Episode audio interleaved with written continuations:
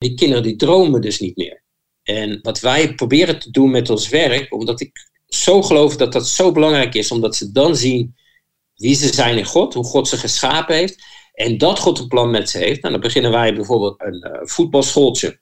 Daar leer ze discipline en dan, leer ze, dan, dan laat je zien dat wat ze willen leren aan, uh, aan voetbalkunst, dat als ze discipline hebben, dat ze daar verder in kunnen komen.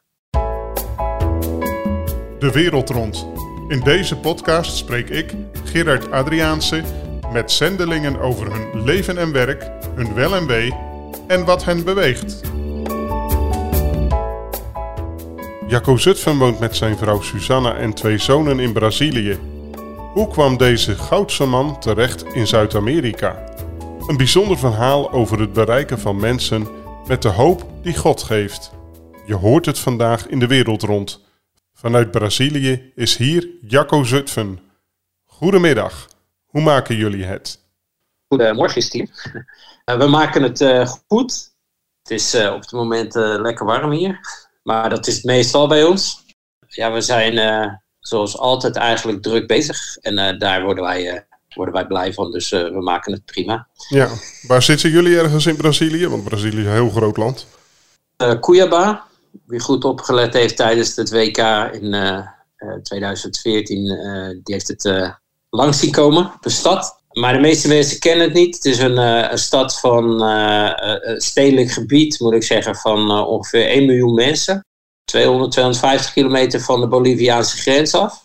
Het is het geografische middelpunt van Zuid-Amerika. Dat ligt hier net buiten de stad. Zo'n 60 kilometer buiten de stad vandaan. Dus ja, als je denkt van nou, wordt zendeling in Zuid-Amerika, mooie stranden. Nou ja, ik zit het verste weg van welk strand dan ook. Of dat slim is, weet ik niet. Maar daar zitten wij. Dus als je op de kaart van eh, Zuid-Amerika kijkt, zo ver mogelijk weg van eh, alle kusten af, daar zitten wij. Ja. Jacco, kun je ons wat meer vertellen over je achtergrond? Ja, dat, uh, dat kan. Nou ja, ik ben, zoals je al zei, uh, Goudenaar. Gouda, born and raised, opgegroeid in het centrum van Gouda. Mijn moeder heeft daar voor velen misschien wel bekend de Bijbelshop, Bijbelshop Samma. Dus ik ben daar, uh, daarin opgegroeid. En vanaf dat ik een jaar of, ik geloof vier was, begon mijn moeder ook met gospelconcerten. De eerste was Second Chapter of Acts. En nou ja, dat is zo, zo doorgegroeid totdat Gouda een van de grootste nou ja, gospelsteden van Nederland was. Werden de meeste concerten gedaan. En daar hielp ik altijd mee vanaf jongs af aan. En wat uh, misschien niet iedereen weet, is dat mijn moeder altijd het gebruik had dat kaarten die nog over waren op de dag zelf, en in sommige gevallen ook gewoon een deel van de kaarten sowieso had ze daarvoor gereserveerd, die uh, mochten gewoon uitgedeeld worden. In de binnenstad bijvoorbeeld, om mensen uit te nodigen om naar het concert te komen, om op die manier te evangeliseren. Want dat was wel altijd het doel van de gospelconcerten. Gospelconcerten zijn leuk, maar uh, voor, voor christenen in de kerk. En die zullen echt eh, bijdragen aan het geestelijk leven van mensen ook. Hè, want God spreekt ook door de muziek heen. Maar uh, er zat een heel duidelijk doel van evangelisatie aan. Ja, zo ben ik veel met muziek in aanraking gekomen. Toen ben ik begonnen met DJ'en als tiener. En mijn broer die, die werd rapper. Mijn broer is de, voor sommigen misschien ook bekende poëet De Dromine, Rick Zutphen. En ja, zo zijn wij uh, samen in uh, verschillende rapgroepen gaan zitten. En uiteindelijk ben ik ook in andere groepen gaan zitten. Ik heb nog bij uh, en Rebecca Sertion in de band gezeten bijvoorbeeld. En uh, Yunus Manaputi die ook in veel verschillende groepen heeft gespeeld. Dat is overigens ook nog een neef, dus zit ook in de familie. En daarvanuit ben ik eigenlijk verder gegaan als DJ. En dat is eigenlijk een beetje mijn achtergrond wat betreft ja, mijn weg tot waar ik nu ben gekomen. Ja, Waar werken jullie, Jacco? We zijn net van, van, uh, van uh, kerk veranderd uh, hier. We zijn in de pandemie heel erg bezig geweest met, of samengewerkt met een bepaalde kerk in een bepaalde achterstandswijk hier. De tweede voorganger is een, is, een motorrijder, zeg maar, een christelijke Hells om het zo maar te zeggen. Dus ja, het is een beetje de, rare, de rare voorgangerskerk. En uh, de wijk waar het in zit, die, die wordt echt gerund door uh, de drugsbende, zeg maar. En uh, nou ja, dat is de plek waar wij willen zijn. Dus we zijn eigenlijk op die reden ook van kerk veranderd om ja, daar meer projecten te ontwikkelen. Ja, want een, een, een, traditionele kerk die zal misschien niet zo snel ja, mensen uit dat milieu aantrekken zeg maar, en bereiken. Ja, er zijn eigenlijk twee, twee dingen die we tegenkomen. Je hebt andere voorgangers die, die vinden letterlijk dat het weggegooid tijd, energie en geld is. Want die zeggen, ja, die gasten daar in die wijk, dan gooien ze meteen de hele wijk scheers overheen kan. Dat is ook altijd grappig. Daar, dat heeft geen zin meer, zeg maar. En je hebt andere. Die, die eerste, daar kan ik gewoon, nou, die moeten de Bijbel nog eens lezen, zeg ik dan altijd. Ehm, want Paulus was ook geen lievertje om het zo maar te zeggen. Hè? Maar uh, dan heb je een tweede groep en die zijn gewoon bang om in zo'n wijk uh, iets te doen. Nou ja, daar kan ik uh, inkomen en dan zeg ik ook altijd van, nou als je dat hebt, moet je ook vooral niet die wijk in gaan. Dat heeft niet zoveel zin. Laat ons dat dan maar doen, weet je wel. Bid voor ons, help ons met, met dingen eromheen. Maar goed, het zijn, het zijn wijken waar ja, het lastig is om mensen te vinden om daar het evangelie te brengen, zeg maar. En het te preken en het evangelie te doen, zegt daar ook wel bij. En het zijn heftige wijken. Het is, ik bedoel, je moet het ook aankunnen. Hè? Eh, ja, inderdaad. Dat is wel belangrijk. Doe je in Brazilië ook nog wel eens wat met muziek, Jacco? Uh, doe verschillende dingen. Muziek is een van de dingen. Uh, we hebben een rapgroep. Dat, die heet Actas Vincinovi, wat vertaald Handelingen 29 is. En het idee daarachter is, voor mensen die het niet zo snel begrijpen, denken van 9, Handelingen 29 ken ik niet in de Bijbel. Uh, is dat handelingen, als je handelingen leest en de laatste versen leest, uh, zit niet echt een afsluiting aan. En het idee achter het verhaal is dat uh, wij eigenlijk nou ja, het werk dat begonnen is in de tijd van de handelingen, de handelingen van de apostelen, de begintijd van de kerk, dat wij dat voortzetten. Dus dat wij nu zeg maar het, een van de volgende hoofdstukken zijn. Ja, beginnen we dan maar 29, maar misschien zijn we in realiteit wel bij hoofdstuk weet ik veel. 3000 en nog wat. Maar handelingen gaat nog steeds door. Ja, dus het bereiken van de mensen hè, in handelingen 1 vers, uh, vers 8. als je daar, uh, nou, als je dat even, dat is dan het begin van handelingen, dus dan begin, begin meteen bij het begin. Daar staat, maar u zult kracht van de Heilige Geest ontvangen, die over u komen zal. En u zult mijn getuigen zijn, zowel in Jeruzalem als in Judea, Samaria, tot in het uiterste van de aarde ja, dat, uh, dat verhaal, dat we de getuigenissen mogen zijn. Ja, dat, dat is wat wij uh, willen doen als rapgroep. Uh, niet alleen door onze muziek, dat is zeker één onderdeel. En door getuigenissen ook. Hè. Bedoel, er zit een jongen bij, nou, die geen rapper of iets, maar die gaat wel vaak mee. Een jongen die zit tegenwoordig in een rolstoel. Heeft allemaal te maken met, met drugsgeweld. Hij heeft ook meerdere familieleden uh, verloren door drugsgeweld of door drugsoverdoos. Nou, die jongen is tot geloof gekomen, zijn leven is omgedraaid. Nou, die jongen meenemen en hij doet zijn verhaal. Soms hoeft hij niet eens zijn verhaal te doen, want ze kennen, hem wel van vroeger.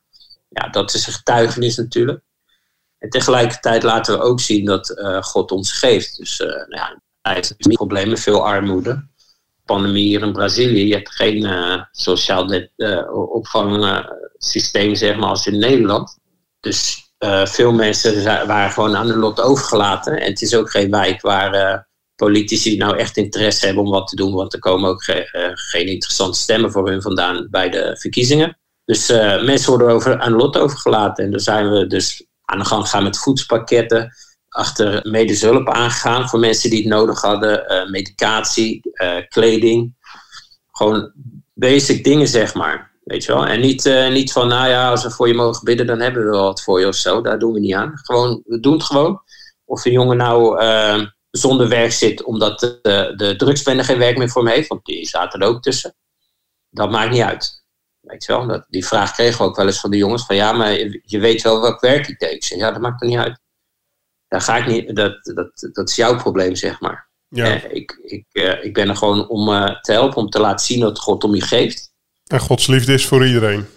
Ja, onafhankelijk of je nou in zonde leeft of niet. En het, het, het grappige daarvan is, is dat dat verwachten mensen niet.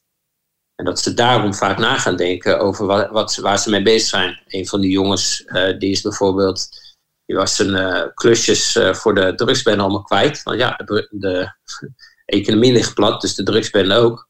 Voor een groot deel. En die is, die is op zoek gegaan naar wat hij wel kon doen aan werken. Die is in een ziekenhuis aan de slag gekomen. gewoon regulier werken, dat doet hij nu nog. Dus hij is uit het, uit het circuit gegaan. Ja, en, en, en zo, zo zie je hoe dat, hoe gewoon simpele dingen, gewoon ook een getuigenis geven, zeg maar. En die jongen is uh, daarna aan de gang gegaan. Hebben nou veel contact nog met hem. Uh, hij komt af en toe in de kerk. Maar ja, zo, zo, zo, begint, zo begint dat te lopen, zeg maar. Gewoon vanwege gewoon een voedselpakket brengen, bijvoorbeeld. Heel mooi. Ja, evangelisatie lijkt je op het lijf geschreven. Maar ik heb zelf ook een jaar met je moeder mogen samenwerken bij de SAMA. Dus daar ontmoette ik jou ook, jaren geleden. Dat was 1992, 1993. Toen was je nog een jonge jongen. Maar uh, ja. ja, die, uh, die passie die komt ook al bij je opa vandaan volgens mij. Dat was uh, de evangelist Jacob Klein-Haneveld, als ik het goed heb. Ja, klopt. Maar goed, ja, jij werd op een gegeven moment zendeling. Hoe, hoe kwam je daartoe? Ja, eigenlijk, eigenlijk rolde een beetje in. Hè. Ik was natuurlijk met nou, we waren sowieso bezig met uh, de concerten en zo. En daar werkte ik ook altijd aan mee. En uh, de marktacties kwamen later. dus ze waren altijd wel.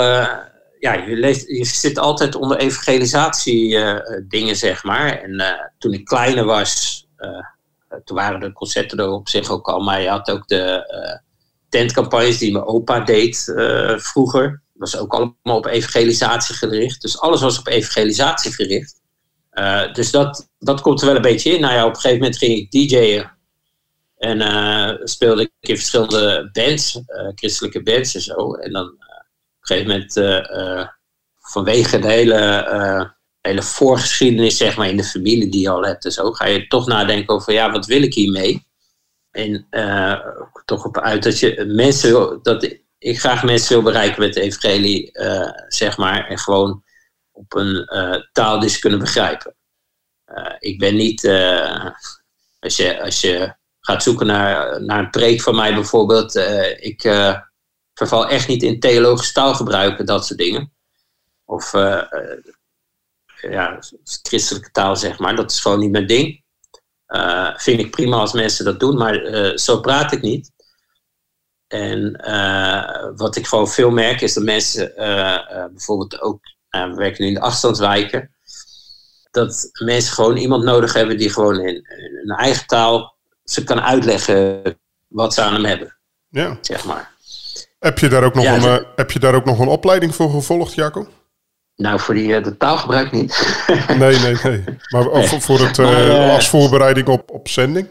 Echt iets als voorbereiding gedaan. Ik ben op een gegeven moment als, uh, begonnen als fulltime zendeling, om het zo maar te zeggen. Daarvoor deed ik al veel dingen. Bij, uh, bij een team van Jeugd met een Opdracht, dat was uh, GX International. Dat is een team met skateboarders, breakdancers. dat ze doen over de hele wereld. Bestaat nu nog. mijn zwager is daar, mijn, mijn zwager die is daar directeur van op het moment. Dus die doen nog, die doen nog veel. En hier in Brazilië heb je een afdeling daarvan zitten ook. Um, en uh, nou ja, uh, dat was binnen Jeugd met een opdracht. En normaal gesproken denken mensen, oh, je gaat bij Jeugd met opdracht werken, moet je eerst een DTS doen. Nou, ik heb jaren bij Jeugd met opdracht gewerkt. En uh, zonder DTS. Gewoon legaal. maar op een gegeven moment begonnen bij GX kwam er een, kwam het idee om een speciale DTS te doen met de focus op de soort evangelisatie die ze deden. En dat, heb ik toegedaan. En ik heb later nog, uh, uh, een jaar geleden afgerond, heb ik uh, een bijbelschool gedaan. Omdat we zelf met een bijbelschool werken. Dus nou heb ik de, dus dezelfde cursus ook maar doorgelopen.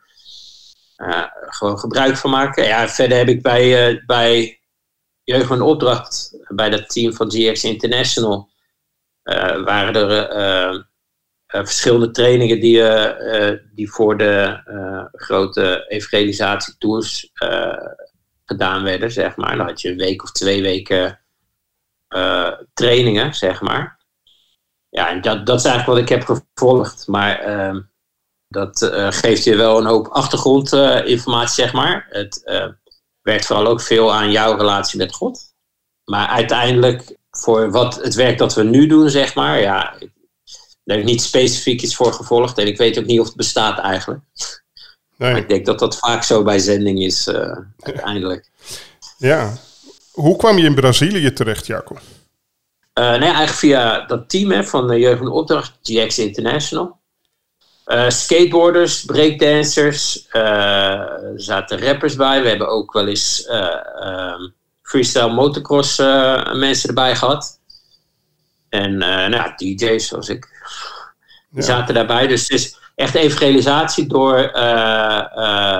extreme sports, zeg maar. Hè? Extreme sports. En urban hip-hop cultuur, zeg maar. Ja, dus dat de, muziek, de muziek komt ook dan de hoek om kijken, zeg maar. Ja. ja. Uh, nou ja, daar deden wij tours mee over heel de wereld. Ik ben zelf uh, nou, onder andere naar Fiji, Amerika, Nieuw-Zeeland, Australië geweest. En in Europa ook verschillende tours gedaan. En ik denk dat het mijn derde tour, denk ik, was, was de tour naar Brazilië ik meen dat dat 2004 was. Dat was in het zuiden van Brazilië, de stad Curitiba. Uh, en ja, daar, daar gingen wij een tour doen met GX. En zo ben ik eigenlijk het eerst in Brazilië terechtgekomen. En daar zit ook in Brazilië, en toen de tijd in Curitiba, zat ook het hoofdkantoor van GX in Brazilië. Die hebben een eigen team hier. Op het moment zit ze, zijn ze verhuisd richting Sao Paulo. Dus ja, zo ben ik eigenlijk in Brazilië terechtgekomen. Ja, en op een gegeven moment leerde je Susanna kennen. Hoe is dat gegaan? Hoe heb je je vrouw leren kennen? Ja, zoals ik al zei, mijn zwager directeur bij uh, eh, eh, GX International. Dus het, uh, internationale onderdeel van, uh, van GX. En toen de tijd nog niet, maar was wel een van de leiders. Hij is een Amerikaan, woont in Amerika. En hij kwam met zijn vrouw naar deze tour toe in Brazilië. Ze hadden net hun eerste kind. En Susanne die wilde wel uh, haar eerste neefje ontmoeten. Want die kon geen visum krijgen naar Amerika. Dus die kwam uh, bij de tour kijken eigenlijk. En wij zaten bij het ontbijt altijd aan dezelfde tafel. Ik noem het toeval, zeg maar. En zo zijn we met elkaar aan de praat gekomen. En dan aan de praat moet je wel bedenken, ik sprak geen Portugees, helemaal niks. Hm. En zij sprak geen Engels en zeker geen Nederlands als we nu terugdenken, snappen we ook niet hoe de gesprekken nou eigenlijk uh, goed gingen. Ik weet wel dat ik na drie dagen een, een, een, woordenboekje heb gehaald. Maar goed, zo zijn we met elkaar aan de praat gekomen. En toen heeft het nog uh, vrij lang geduurd. Ik ben wel in 2004 zelf al na de tour, had ze me uitgenodigd. Uh, mijn zwager ging, ging ook de familie bezoeken hier in uh, Cuiabá, waar we nu zitten. En die had mij uitgenodigd om ook uh, daar een weekje naartoe te gaan. Dus ik ben toen de tijd al uh, een weekje hier geweest. Uh, gewoon ook om dat mee te maken, wat meer van Brazilië te zien. En zo Susanne beter leren kennen. Zo zijn we eigenlijk aan het praat gebleven voor een tijdje. En toen eigenlijk om verschillende redenen voor anderhalf jaar helemaal niet met elkaar gesproken. En toen begon God eigenlijk ons alle twee weer, nou ja, is hard te geven om met elkaar in contact te raken. En dat gebeurde op een gegeven moment. En toen was het eigenlijk heel snel. Uh, toen we weer met elkaar in contact komen, heeft denk ik een maandje geduurd. En toen uh, uh, hadden we trouwplannen. Dus toen ging het ineens hard. Maar daarvoor hadden we dus echt al, nou ja, zeker anderhalf jaar, meer dan wekelijks e-mailcontact, zeg maar. Echt hele uitgebreide e-mails. Dus we hadden al heel veel dingen, wisten we van elkaar en hadden we al besproken, om het zo maar te zeggen. Maar goed, zo is dat gekomen. Ja, mooi en bijzonder te horen hoe jullie elkaar ontmoet hebben. Je vrouw Susanna en jij, die runnen dus een bijbelschool bij de Haliti-Indianen. Maar dat werk bij de Indianen, hoe, hoe is dat zo gekomen? Uh, nou we hebben onder andere bij de Haliti-Indianen een bijbelschool. Daar is de eerste begonnen. We zijn op het moment zitten we in twee verschillende stammen. Maar eigenlijk komt al dat werk bij de Indianen uit ja, dat is eigenlijk zo gekomen, het contact is zo gekomen, dat Susanna's ouders, die waren aan één kant van het reservaat de eerste zendelingen, die bij de Indianen kwamen. Je moet je voorstellen, het is minstens een derde van Nederland. Het is gigantisch. En tegenwoordig gaan er uh, onverharde wegen van de ene kant naar de andere kant van het reservaat. Maar toen mijn uh, schoonouders daar voor het eerst naartoe gingen, ja, dan, dan reed je op een bepaalde hoofdweg langs het reservaat. En dan moest je maar een beetje gokken hoeveel kilometer je had gereden. En dan ineens, uh, nou, dan zijn mijn uh, schoonvader, die heeft me een keer uitgelegd, zegt, nou, dan ging je na zoveel minuten ging je linksaf de bos in, letterlijk. Dus uh, op geen weg of wat dan ook. En dan, nou ja, als je dan 20 minuten gereden had en je was geen dorp tegengekomen, dan moest je weer terug.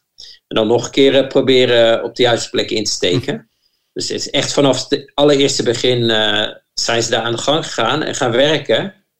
Nou, op een gegeven moment kwamen ze bij een dorp uit waarvan het stamhoofd vroeg of ze niet meer wilden vertellen over de Bijbel aan hun. En of, die, of ze daar niet konden komen wonen om ze die uitleg te geven. Nou, zo zijn ze op een gegeven moment daar uh, dus komen te wonen voor het grootste deel van de tijd. Dus mijn, uh, mijn vrouw Suzanne die is daar opgegroeid. Bij de Indianen? Die, bij de Indianen. Die heeft er vanaf dat ze, ik geloof, ja, dat ze vier jaar was heeft ze daar eh, 13 jaar gewoond, zeg maar, tussen de Indianen. En die wordt dus ook letterlijk gezien als, als familielid. Ja, zo is de, de link eigenlijk gekomen met de Indianen. En op een gegeven moment kwam, kwam vanuit de Indianen, wij gingen op een gegeven moment naar de, een, conferentie toe die de Indianen hadden georganiseerd. Dat was de eerste die ze georganiseerd hadden. Om andere stamleden te bereiken met de evangelie. Want inmiddels was er een kerkje gesticht in, de, in dat Indianendorp. En ja, ze wilden andere mensen, andere stamleden bereiken met de evangelie. En ze hadden Suzanne gevraagd van nou, wil jij het kinderwerk doen? Want ze, ze was altijd bezig met kinderen, dus, ze was hier in de stad ook lerares op dat moment. Dus ze hadden zoiets van, nou ja, als we dan iemand moeten vragen, dan vragen we Suzanne. Toen zijn we daar naartoe gegaan. In eerste instantie vroeg ze vooral of uh, Suzanne's vader naar het dorp kon komen om uh, les te geven. Want uh, daar hadden ze het meeste van geleerd. En inmiddels woont die weer in de stad. Want ja, er was wel een Indianen voorganger. Die hadden ze zelf bedacht dat hij de voorganger was. Maar ja, voorganger zei ook van ja, ik moet, ik moet meer weten uit de Bijbel. Maar die zei tegen Suzanne, dan moet je vader het wel komen vertellen. Want ja, ik kan het niet zelf allemaal uitvogelen. En eigenlijk tijdens de conferentie, toen begon uh, God ons een beeld te laten zien van een, uh, van een bijbelschool uh, midden in het, het, dorp, zeg maar.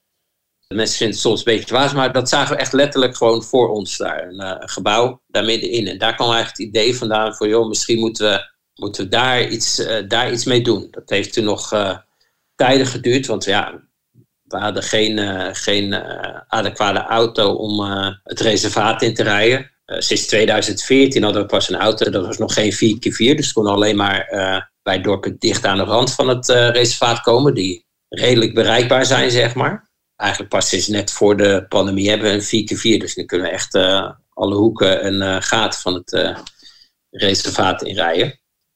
Maar goed, zo is eigenlijk gekomen dat ja, dat beeld dat God liet zien van een bijbelschool in het midden van het reservaat. En toen, daar kwam eigenlijk het idee vandaan. En toen zijn we verder over gaan bidden dat het niet zozeer een gebouw is, dat we daar een, eh, een gebouw neer moeten zetten om daar in een van die dorpen een bijbelschool te beginnen. Dat hebben andere zendelingen hadden ze al geprobeerd in een ander dorp en dat is uiteindelijk niet van de grond gekomen.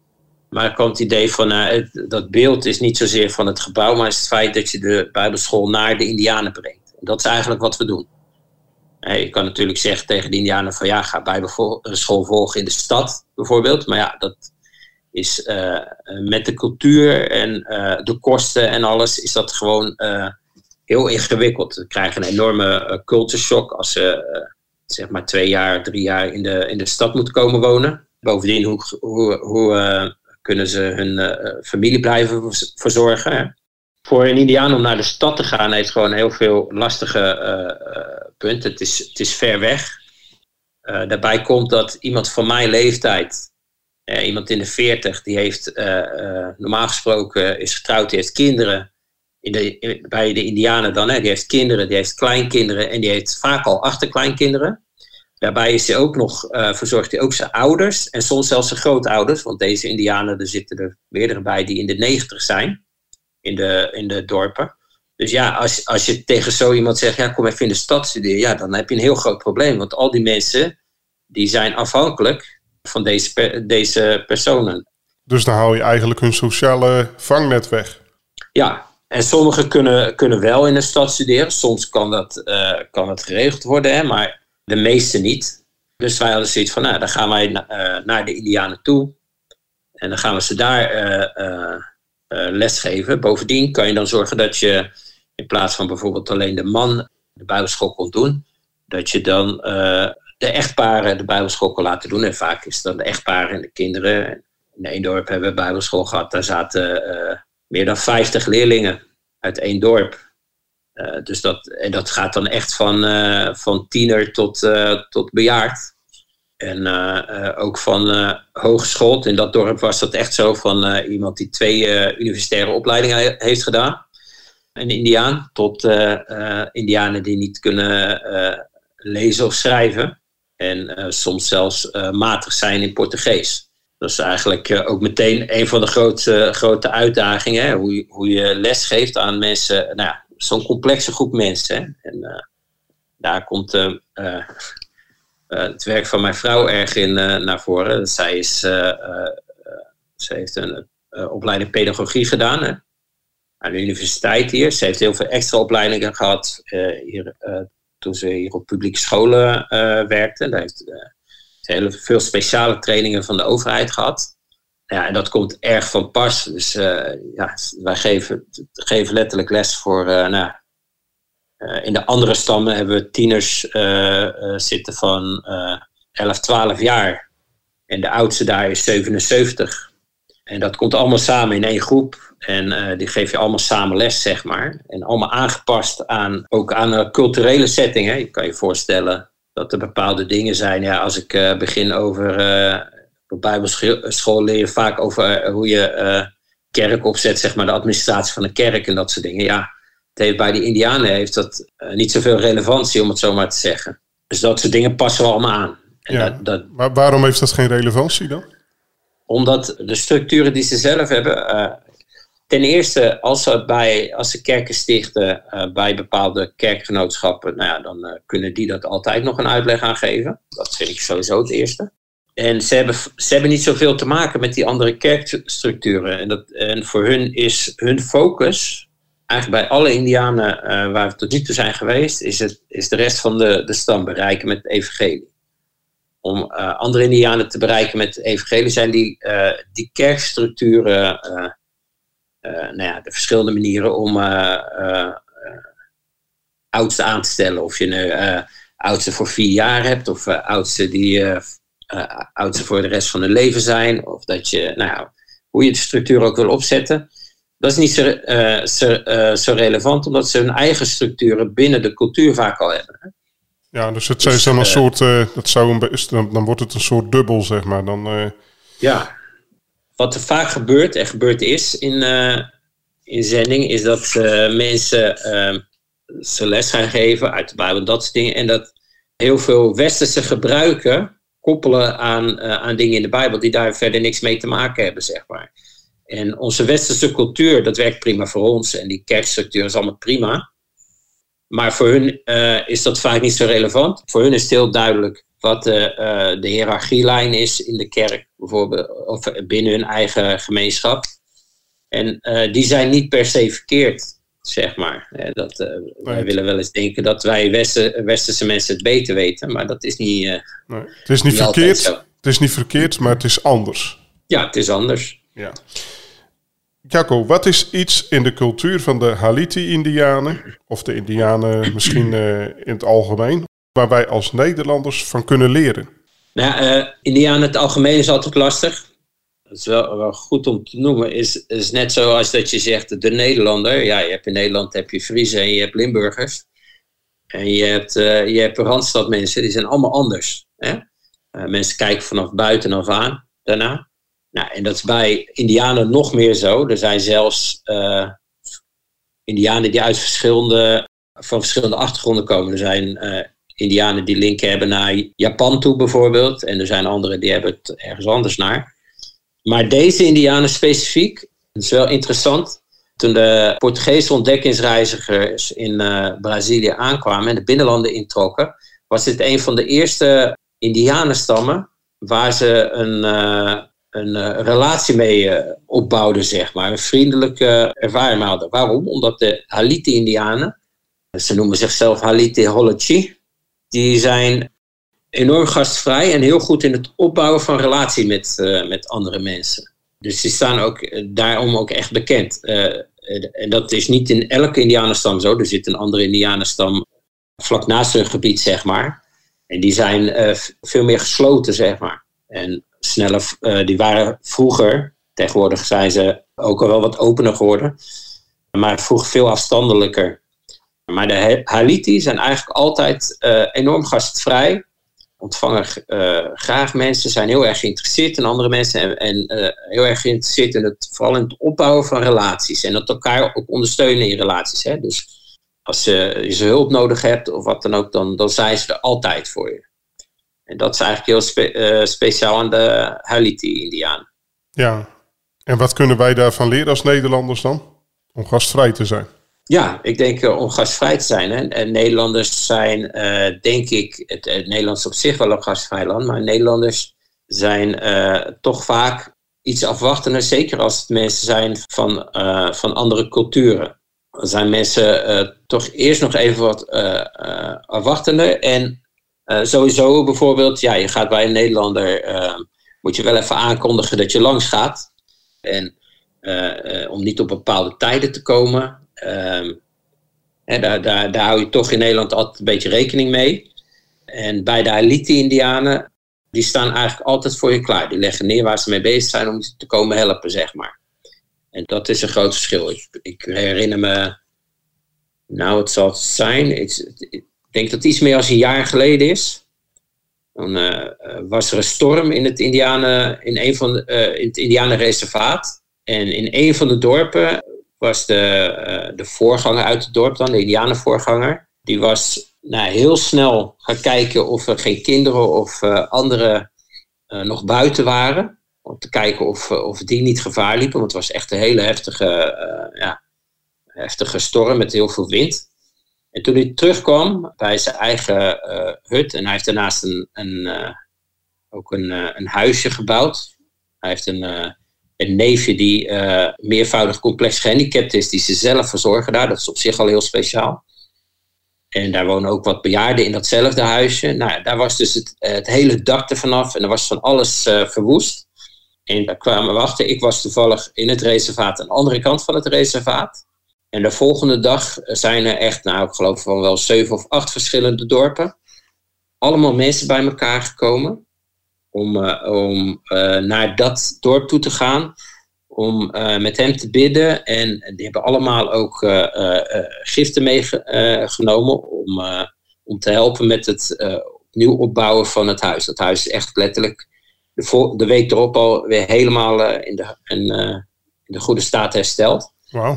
Maar, maar dan heb je het echt over. Nou, ik heb, ik heb uh, 120 kilometer gereden over, over onverharde zandwegen. En dan moet je nagaan, is er net storm overheen geweest. Dus dat is allemaal modder. en er waren mensen uit Indianendorpen nog verder weg. Dus het is niet zo dat je. Het is niet even. Nou, je rijdt 120 kilometer uh, over een gewone asfaltweg. Ik, ik heb wij hebben twee uur gereden door de modder om daar te komen. En zo deden meer mensen dat. Het mooiste was eigenlijk dat die mensen wisten niet van ons dat we daar naartoe op weg waren. En uh, die anderen, de meesten wisten het van elkaar niet. We kwamen er allemaal. En uiteindelijk is daar spontaan een, eh, een dienst ontstaan. Een dankdienst, omdat er niemand gewond was geraakt. En we, nou, uh, steun toegezegd en dat ook daad bij het woord gevoerd. Ik weet dat er ook jongeren de week erop uit het dorp waar ik op dat moment was, zijn de jongeren vanuit dat dorp ook naar de andere kant van het reservaat gegaan om een paar dagen te helpen met het weer opbouwen van het huis. Nou, dat klaarstaan voor elkaar. Het maakt niet uit op welk moment, weet je wel. met aankondiging, zonder aankondiging. ja, dat is typisch de Hailiti-Indianen. Heel bijzonder, ja. ja. In een toespraak hoorde ik je vertellen over het belang van het hebben van een droom. Waarom is dat zo belangrijk voor een mens, Jacco? Nou ja, als ik. Uh, um, een, Bijbeltekst die mij altijd uh, bijstaat is Psalm 37, vers 4. Ik heb hem hier in het Engels. Maar staat, delight yourself in the Lord and he will give you the desires of your heart. Dus dat staat, zeg maar vrij vertaald, staat er, verblijd jezelf in de Heer en hij zal je de verlangens of dromen van je hart geven. En ehm, dromen, dan denken we vaak aan snel aan slapen. Maar je slaapt s'nachts en dan heb je de, de remslaap, die sommige mensen misschien wel kennen. En dat is het moment waarop je uh, droomt. En dat is ook het meest actieve onderdeel van, van je slaap. En het gekke is dat het meest actieve onderdeel, dus je bent eigenlijk super actief. Lees nou op internet, je bent super actief en dat is eigenlijk het moment waarop je lichaam uitrust. Hè, tot rust komt. Zie je hoe krachtig uh, uh, dromen is. En we zien gewoon vaak in de Bijbel dat God door dromen spreekt. En hier staat ook gewoon letterlijk zelf dat hij de verlangens in je hart of de dromen in je hart geeft. Op andere plekken staan er vergelijkbare teksten. Nou, wat is daar nou zo belangrijk aan dat hij dat geeft? Hè? Is, ik geloof dat eh, de dromen die God je geeft, heeft te maken met hoe hij jou ziet hè, als persoon. En ook hebben ze voor een groot deel te maken met het plan dat hij met je, met je heeft in je leven. Hè, kijk, ik had het over die uh, droom van die, die Bijbelschool, dat visioen. Hè, voor mij is dat, uh, ik, ik koppel dat allemaal een beetje aan elkaar. Visioen, droom. Ik zie dat eigenlijk een beetje in dezelfde de context. Dagdromen, hè, daar zie je ook dingen voor je. Die dingen zijn allemaal dingen, als je, als je dicht bij God blijft, je verblijft in de Heer, zoals hier staat, dan, dan, dan geeft Hij jou die dingen en dan laat Hij daar dingen zien Hij in je leven wil doen. Dus dat heeft met het plan voor je leven te maken. En soms snap je er ook niks van. Hè, um, als ik uh, terugdenk dat ik, uh, dat ik jong was, nou, ik was uh, gek op papegaaien. helemaal obsessief, om het zo met papegaaien. En ik keek altijd graag op televisie naar documentaires over, over expeditiereizigers. bijvoorbeeld Jacques Cousteau vond ik erg mooi altijd. En dat lijkt misschien zo ja, een beetje random dingen in je hoofd waar je dan zo gepassioneerd over bent. En ja, mijn moeder vond dat soms ook raar, mensen om me heen en zo. Maar tegenwoordig, ja, ik, ik moet letterlijk een paar honderd kilometer over onverharde wegen dwars door de Boes of dwars door het Amazonewoud bij de andere stam waar we werken, letterlijk rijden. En dan slapen we daar in een houten huisje waar je ochtends wakker wordt van een boom letterlijk met papegaaien die echt een enorme herrie maken waar de meeste mensen niet tegenkomen. Maar ja, ik word er blij van. Mijn vrouw wordt er ook blij van. De meeste Brazilianen die, die worden er gek van. De meeste Nederlanders waarschijnlijk ook. Hè. Ik zag al, uh, ik heb al uh, nieuwsdingen langs zien komen over mensen die van de halsbandparkieten gek worden. Nou ja, wij vinden dat heerlijk. Dat soort geluiden. Dus dat zijn, zijn kleine dingen uh, een passie die God in heeft gelegd, een droom van, uh, van, het, ja, van het zien. Ik had altijd een droom van bepaalde papegaaien zien in een natuurlijke omgeving. En het lijstje dat ik had, die heb ik letterlijk allemaal in het wild gezien, nu al. En ik vind het nog fantastisch om ze te zien, want we zien ze nog steeds. En dat, de, die hele, dat hele idee van een expeditie, die reis, ja, dat, dat is wat we doen. Dus dat zijn kleine passies die God erin heeft gelegd. En dat gaat ook verder naar, naar het beeld van die Bijbelschool, wat je dan opzet. En eh, daarom is het zo belangrijk, omdat je dan een visie op de toekomst hebt. En als ik nou kijk naar de kinderen bijvoorbeeld in die, die achterstandswijk waar wij in de kerk zitten, dat zijn kinderen die hebben geen droom, die zien geen toekomst. Die wonen in die wijk, die zijn al eigenlijk opgegeven. Hè. Die voorgangers die vinden het al niet eens waard om uh, te evangeliseren. Dus als de groep voorgangers dat dan zegt, nou moet je nagaan wat de rest van de, van de stad denkt over zo'n wijk. En dat is één van de wijken, dat is niet de enige. Er zijn heel veel van dat soort achterstandswijken. En die kinderen die komen uit die wijk. Als die ergens vertellen uit welke wijk ze komen, ja, dan ben je bij voorbaat wordt je al een soort weggezet van, nou, dat heeft toch geen zin. Op school wordt dat uh, gezegd, uh, door leraren wordt dat gezegd, door de overheid wordt dat gezegd, door iedereen wordt dat gezegd. En die kinderen die dromen dus niet meer. En wat wij proberen te doen met ons werk, omdat ik zo geloof dat dat zo belangrijk is, omdat ze dan zien wie ze zijn in God, hoe God ze geschapen heeft. En dat God een plan met ze heeft. Nou, dan beginnen wij bijvoorbeeld een uh, voetbalschooltje. Hè, dan denk je, Brazilië voetbal, uh, dat doen ze toch wel. Maar we hebben daar een voetbalschooltje, uh, is daar begonnen. Dat is al een hele tijd bezig. Daar leer ze discipline en dan, leer ze, dan, dan laat je zien dat wat ze willen leren aan, aan voetbalkunsten. Ik ben, niet zo, ik ben niet zo voetballer, ik ben ook niet degene die daar les geeft.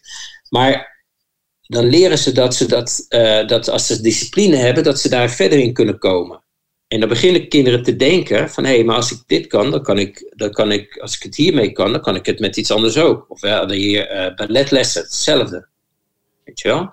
dan begin je met balletlessen en dan op een gegeven moment zeggen wij aan het eind van het jaar, nou ja, dan uh, gaan we presentatie met de ballet doen in het winkelcentrum hier. Waar alle, alle scholen voor rijke lui doen daar presentaties en weet ik het wat allemaal dat is helemaal niet moeilijk. Je gaat gewoon naar het winkelcentrum toe en je zegt: we hebben een project in de wijk en we willen een presentatie geven. Dan zeggen ze: ja, is goed, betaal je niks voor. Maar dat idee dat, dat ze uit deze wijk daar mogen presenteren in de, het dure winkelcentrum, dat begrijpen ze in het begin niet. En als ze het dan op een gegeven moment gedaan hebben: van hé, hey, ik mag hier ook zijn. Ik ben net zoveel waard als die anderen. En dan beginnen ze dat te begrijpen. En dan leg je uit dat dat is wat God ze vertelt. En dan krijgen ze dromen er zit nou een jongen van, eh, die in de uh, voetbalschool begonnen is.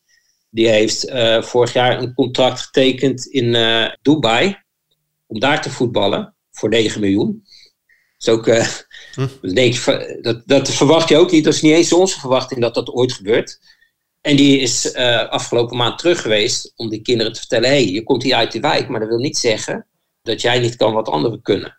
Zeg maar. En dan zie je dat kinderen beginnen te dromen.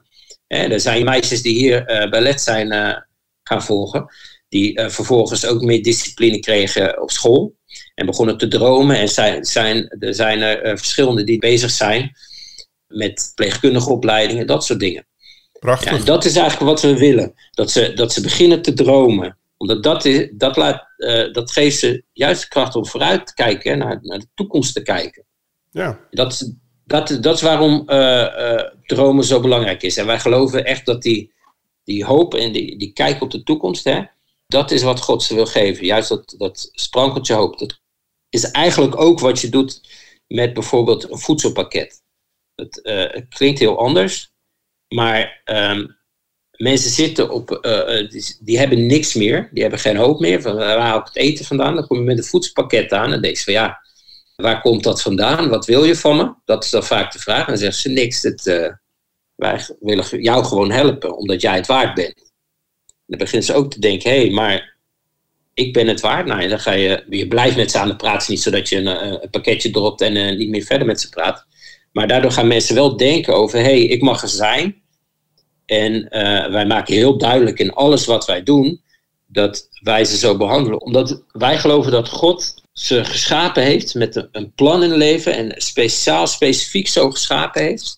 En dat ze speciaal zijn voor God. En we maken dat heel duidelijk dat dat is waarom wij doen wat wij doen. Niet omdat, uh, omdat het met ons beeld te maken heeft, maar het beeld uh, is wat God over deze mensen heeft.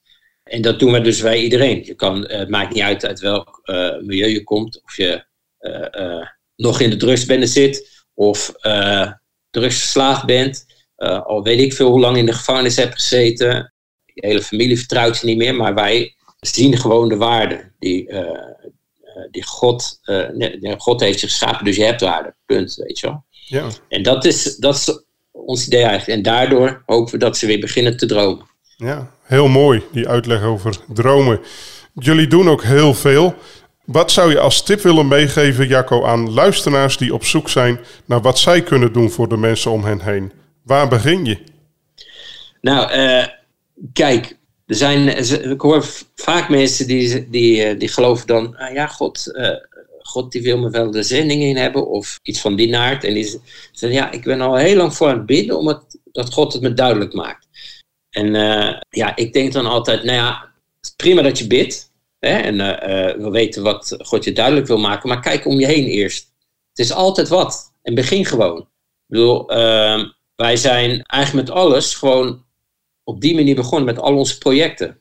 Als je kijkt naar de, uh, voedselpakketten in de pandemie, is gewoon omdat we zagen dat de mensen zonder eten zaten. En dacht van hé, hey, uh, wat kunnen we doen? Nou, zullen we iets doen met, uh, met voedselpakketten. En da dat daardoor mensen gingen evangeliseren, dat was niet eens het eerste plan, zeg maar. Dat gebeurt op het moment dat je die pakketten brengt.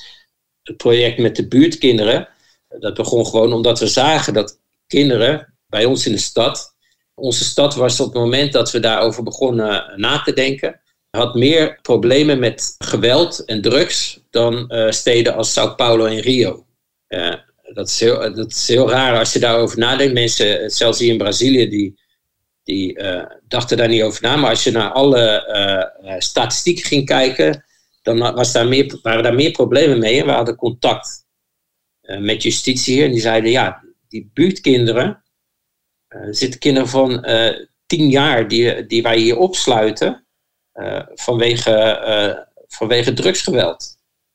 die mensen vermoord hebben, dat soort dingen. En dat, dat komt niet in de media, want dat mag niet. Maar uh, ze hadden dat ons wel toevertrouwd, juist om te vragen, ja, wat moet ik hiermee? Wat, wat moeten wij hiermee? Want wij als justitie weten het ook niet. En toen kwamen we dus uiteindelijk op de, het, ding van dromen en dat soort dingen. En toen zijn we gaan kijken naar wat kunnen we doen? Wat voor lessen kunnen we geven? En zo zijn we gewoon begonnen. Zeg maar. Het is niet zo dat God ons een heel beeld had gegeven eerst. Nee, je ziet ook gewoon wat er gebeurt. En van nou, daar zien we wat. En wat kunnen wij daar zelf aan doen? Ja, en dat is overal, of je nu in Nederland woont of in Brazilië. Juist. Ja, als je in, uh, in uh, we hadden het net al even over Handelingen 1 vers 8, hè. daar staat ook getuigen zijn zowel in Jeruzalem als in heel Judea en Samaria en tot aan uiterste van de aarde. Sommige mensen denken dan van nou, als je zending in gaat, moet je eerst je, je thuisstad beginnen en dan. Nee, dat staat helemaal niet. Het staat dat je het in Jeruzalem moet zijn en in Judea en in Samaria en tot het uiterste van de aarde. Zo lezen wij het. Dus, dus en, en, en. Uh, en voor ons, voor ons is dat heel grappig. Uh, want voor ons is uh, de Indianen, voor mijn vrouw is de Indianen is Jeruzalem, want daar is ze geboren. Ja. Hè? Het is wel een eind weg, maar zij is daar geboren. En uh, Judea is dan hier de stad, want zij is niet opgegroeid in de, de grote stad, om het zo maar te zeggen. Ja, en ik zit natuurlijk aan het uiterste van de aarde, hè, de andere kant van de wereld. Op die manier doe je eigenlijk alles. En dat is, dat, dan denk ik van ja, hoe kan ik nou naar het uiterste van de aarde uh, in, nou ja, ik zal even mijn voorbeeld geven van Gouda. Dat is eigenlijk hetzelfde, want je hebt tegenwoordig, zeker in een, plek als Nederland, heb je het uiterste van de aarde, heb je in, je land wonen. Ik word wel eens wel eens droevig van mensen die, die hun hele leven aan het bidden zijn voor zending. En van, ja, we, Je mensen sturen om die mensen te bereiken en die mensen te bereiken. En nou komen van de hele wereld mensen als vluchtelingen naar Nederland. Mensen die vaak geen, die geen uitzicht meer hadden in hun eigen land en hun eigen land verlaten. Die dus echt uh, hoop nodig hebben in hun leven. Die komen naar jouw land toe. En dus je kan letterlijk in je eigen land, in je eigen stad, de stad als Gouda, kan je uh, nou, mensen uit je eigen stad bereiken. En er zitten ook wel, uh, wonen ook wel mensen de rest van Nederland die, uh, die misschien niet zoveel Jeruzalem zijn, maar meer Judea. Hè? Het is stel Friese in Gouda, zeg maar wat. Maar letterlijk tot de uit, uiterste van de aarde. Hè? mensen uit de Oekraïne, uit Syrië heb je in Gouda zitten. die mensen die, die kun je allemaal gewoon vanuit, vanuit waar jij woont bereiken je kan gewoon met simpele dingen en dan zeg je van ja, ik weet niet wat ik moet zeggen. Ja, soms heeft het niks te maken met zeggen. Soms is het gewoon wat doen. Hè? Nou, wij deden hier voedselpakketten. Nou, uh, deze Nederland zat te doen voor mensen die gevlucht zijn uit de Oekraïne of uh, uit andere landen, Syrië. Die hebben vaak echt wel ergens hulp bij nodig. Die kan je helpen. Je kan ze helpen om uh, de taal te leren of iets met ze te doen of gewoon aandacht voor ze te hebben. Zulke kleine dingen kunnen het zijn. Hè? Kijk gewoon naar dingen wat je zelf kan doen, waar je zelf uh, goed in bent of waar je zelf wat mee hebt. En, en, begin daar. Uh, het hoeft allemaal niet zo uh, ingewikkeld te zijn. We denken er vaak veel te groot over. Maar vaak is gewoon door te doen wat je kan doen, kun je mensen bereiken. Ik kan me herinneren dat ik bij het distributiecentrum van de Marskramer werkte. Heel veel mensen uitgehouden hebben daar wel bij gewerkt. En er was een man die was uh, heftruckchauffeur daar. En die had uh, een enorm ingewikkelde scheiding achter de rug. En uh, nou ja, zoontje woonde bij hem in huis, maar zijn vrouw die wilde de voogdij terug hebben. Maar goed, die zat flink aan het drugs en weet ik het wat. En, en dat, allemaal ingewikkelde verhalen. En die begon dat tegen mij te vertellen. En dat was toen ik, nou ja, wat was ik, 17 of zo. En ik had zoiets van, ja, wat moet ik met zo'n verhaal? Ik was helemaal nog niet zo fulltime in de zending en dat soort dingen. Maar die begon mij dat hele verhaal te vertellen. En op een gegeven moment zei ja, ik weet eigenlijk ook niet waarom ik je dat vertel. En hij zegt, ja, wat, moet ik, wat, wat, wat denk jij dat ik moet doen? Ja, zo'n ingewikkeld verhaal, ja, weet ik veel wat je moet doen, weet je wel. En het enige wat ik op dat moment kon zeggen, van nou ja, ik kan wel met je bidden, weet je wel. Dat was helemaal niet zo'n ingeven van nou, ik ga ervoor bidden en dan gebeurt er wat. Zeg maar. Maar gewoon, ja, dat kwam in me op. En dat heb ik toen met die man gedaan. En die kwam een paar weken later vertellen hoe het allemaal ja, op zijn plek was gevallen. Alle, alle puzzelstukjes. Weet je? En soms is het gewoon zo, mak zo simpel. Dat iemand komt, ik heb daarna veel vaak gehad, en dat zullen mensen echt wel ook meemaken, dat mensen met verhalen komen, wat denk je van, nou, waarom komen ze daar bij mij aan, weet je wel? Wat weet ik daar nou over? Maar gewoon het feit dat je luistert en dat je, dat je ook gewoon toegeeft van, ja, sorry, ik weet het ook niet. Ik denk dat we eh, nou, eigenlijk als christenen dat af en toe wat vaker zouden moeten zeggen van, joh, ik weet het ook niet, maar laten we het gewoon bij God neerleggen. Mm dat is wat je kan doen. Ja. Uh, nou, dat soort simpele dingen. Dus gewoon kijken om je heen en kijken wat je kan doen. Simpel. Ja. Jacco, uh, je had het net over bidden. Uh, is er ook iets uh, waarvoor wij mogen bidden voor jou en, en Susanne? En jullie bediening? zeker. Sowieso voor bescherming. ik had hem, nou ja, ik zeg het nu, nu zo omdat het ineens in mijn hoofd schiet. En eigenlijk zeggen we dat heel weinig, maar wij, wij doen vrij risicovol werk. Dat heeft ook gewoon, ja, het heeft nou, dat, ik zeg niet dat iedereen dat moet doen, hè, net na de vorige vraag. Maar dat is toevallig iets waar God ons de capaciteit, denk ik, toch wel uh, voor heeft gegeven om te doen. Hè, en een beetje de roeping voor heeft gegeven. Dus we gaan naar de ja, zware wijken toe. bij de Indianen is ook op sommige momenten zeker gevaarlijk. Op dit moment zijn er Indianen die in deze stam die willen niet dat zendelingen het reservaat in komen. En anderen willen het wel. Dus ja, dat is toch altijd tricky, zeg maar. Dat kan ook letterlijk gevaarlijk worden. dus ja, voor bescherming op dat gebied.